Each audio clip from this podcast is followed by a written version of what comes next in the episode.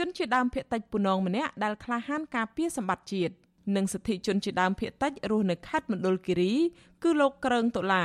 បានចូលរួមសវនាការដេញដោលលើបណ្ដឹងជំទាស់របស់លោកជិត1ម៉ោងក្នុងអង្គសវនាការនៅចំពោះមុខក្រុមប្រឹក្សាជំនុំជម្រះ5រូបនៃស្លាវធរខេត្តត្បូងឃ្មុំនៅព្រឹកថ្ងៃទី15ខែមិថុនា ចំណែកឯអភិបាលស្រុកអូររាំងលោកសៀកមូនីដែលជាដើមមិនដឹងមិនបានបង្ហាញខ្លួនក្នុងអង្គសវនាការនោះទេលោកក្រើងតុលាប្រាប់វិទ្យុអាស៊ីសេរីថាក្រុមប្រឹក្សាជំនុំជម្រះនៅមិនទាន់សម្រេចបែបណានៅឡើយទេចំពោះរឿងនេះដោយលើកពេលទៅប្រកាសសាលដីកានៅថ្ងៃទី23ខែមិថុនាខាងមុខ លោករំពឹងថាតុលាការជាន់ខ្ពស់មួយនេះនឹងច្រានចោលឬមកគភាពសេចក្តីសម្រេចរបស់តុលាការខេត្តមណ្ឌលគិរីដើម្បីផ្ដល់យុត្តិធម៌ជូនលោកឡើងវិញព្រោះការលើកឡើងរបស់លោកថាអភិបាលស្រុកអូរាំងលោកសៀកមូនីរំលោភយកដីព្រៃនោះគឺជារឿងពិតមិនមែនជាការបរិហាកេឡើយ។សកម្មជនការពារព្រៃឈើរូបនេះអះអាងថាលោកមានភ័ស្តុតាងនិងសាក្សីជាច្រើនអ្នក ដែលបញ្ជាក់ថាអភិបាលស្រុកអូរាំងរូបនេះបានរំលោភយកដីព្រៃអភិរក្ស300ហិកតា នៅចំណុចទួលស្លៃក្នុងឃុំដាក់ដាំ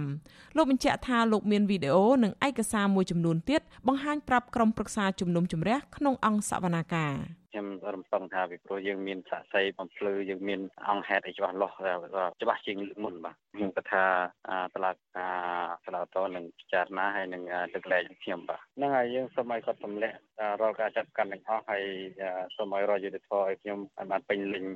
ខ្ញុំមានសេរីភាពកុំឲ្យមានការចប់ការចាប់ប្រកាន់អញ្ចឹងណាលោកក្រឹងតុលាបានប្តឹងជំទាស់ទៅសាលាឧទ្ធរខេត្តត្បូងឃ្មុំក្រោយពេលសាលាដំបងខេត្តមណ្ឌលគិរីកាលពីខែកុម្ភៈឆ្នាំ2021បានប្រកាសសាលក្រមឲ្យលោកចាញ់ក្តីក្នុងសំណុំរឿងអភិបាលស្រុកអូរាំងលោកសៀកមូនីប្តឹងទាមទារសំណង20ម៉ឺនដុល្លារពីបទបរិហាកេជាសាធារណៈ តុលាការខេត្តមណ្ឌលគិរីតម្រូវឲ្យលោកក្រើងតុលាសងប្រាក់ជំងឺចិត្តជូនអភិបាលស្រុកអូរាំង40លានរៀលឬស្មើនឹង10000ដុល្លារហើយត្រូវបង់ចូលរដ្ឋ4លានរៀលផ្សេងទៀតតែលោកក្រើងតុលាចាត់ទុកសេចក្តីសម្រេចនេះថាជារឿងអយុត្តិធម៌និងជាការកាច់បំបាក់ស្មារតីពលរដ្ឋដែលលះបង់ការពារប្រយោជន៍ជាតិស្របតាមច្បាប់ការប្តឹងផ្តល់នេះកើតមានឡើងក្រោយពីលោកក្រើងតុលាបានបង្ហោះសារតាមបណ្ដាញសង្គម Facebook ដោយអះអាងថាលោកសៀកមូនីពាក់ព័ន្ធនឹងអំពើពុករលួយទន្ទ្រានដីព្រៃអភិរក្សទំហំជាង300ហិកតា និងកសាងផ្លូវប្រវែង30គីឡូម៉ែត្រដើម្បីរកទីផ្សារអចលនទ្រព្យមិនប្រក្រតីពន្យអាស៊ីសេរីមិនអាចតាក់ទងសុំការឆ្លើយតបអំពីរឿងនេះពីប្រធានក្រុមប្រឹក្សាជំនុំជម្រះនៃសាលាឧទ្ធរខេត្តត្បូងឃ្មុំលោកសុតសំអោក និងតំណាងមហាអាយកាលោកស្រីម៉ានីបានថាយ៉ាងណានៅឡើយទេនៅថ្ងៃទី15ខែមិថុនាប៉ុន្តែលោកសុតសំអោកបានថ្លែងក្នុងអង្គសវនាការថាលោកនឹងទទួលយកសំណូមពររបស់លោកក្រឹងតុលាមកពិចារណាដែលស្នើឲ្យសាលាឧទ្ធរទម្លាក់បទចោទប្រកាន់នេះនិងផ្ដាល់យុត្តិធម៌ក្នុងរឿងនេះប្រធានអង្គជំនុំជម្រះរូបនេះសម្រាប់ប្រកាសសាលដីកានៅថ្ងៃទី23ខែមិថុនាខាងមុខសមាជិកបណ្ដាញសហគមន៍ជនជាដើមភាគតិចពូនងលោកស្រីរឿងផ្លុំ កោតសរសើរចំពោះទង្វើរបស់លោកក្រើងតុលាដែលលះបង់ទាំងកម្លាំងកាយចិត្តពេលវេលានិងថវិកាផ្ទាល់ខ្លួនបម្រើប្រយោជន៍ជាតិដោយស្មោះត្រង់លោកស្រីថ្លែងថាការលះបង់ដ៏ធំធេងនេះសុទ្ធសឹងជាប្រយោជន៍ជាតិពុំមែនជាប្រយោជន៍ឯកជនរបស់លោកក្រើងតុលាទេប៉ុន្តែប្រការនេះបាននាំឲ្យមានក្តីព្រួយបារម្ភហើយជនជាដើមភៀតតិចរាប់ពាន់នាក់នឹងតាមដានរឿងនេះដោយយកចិត្តទុកដាក់ប្រសិនបើរឿងនេះនៅតែគ្មានយុត្តិធម៌ទេពួកគេនឹងលើកគ្នាតវ៉ាទ្រង់ទ្រាយធំ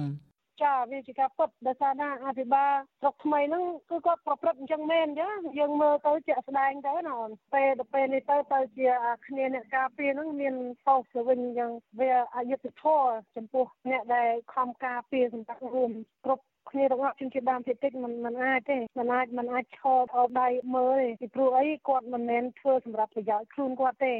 ជុំវិញរឿងនេះមន្ត្រីពង្រឹងសិទ្ធិអំណាចសហគមន៍មូលដ្ឋាននៃសមាគមការពារសិទ្ធិមនុស្សអាត់ហុក លោកប៉ែនបូណា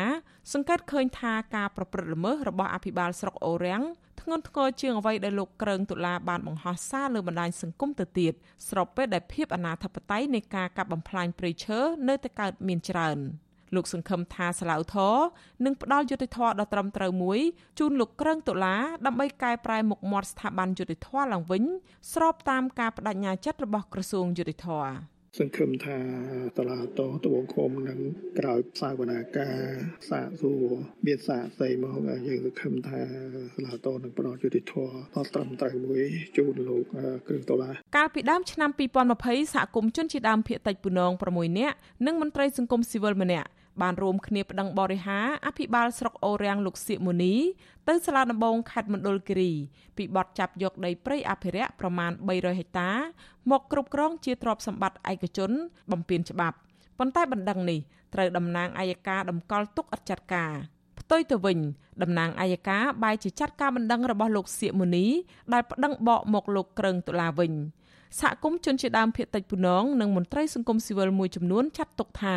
ចំណាត់ការរបស់តុលាការខេត្តមណ្ឌលគិរីនោះគឺជាការអនុវត្តច្បាប់ស្តង់ដារ2និងបំបាក់ស្មារតីរបស់ពលរដ្ឋដែលចូលរួមការពារធនធានធម្មជាតិចា៎នាងខ្ញុំខែសុណងវັດឈូអាស៊ីសេរីរាយការណ៍ពីរដ្ឋធានី Washington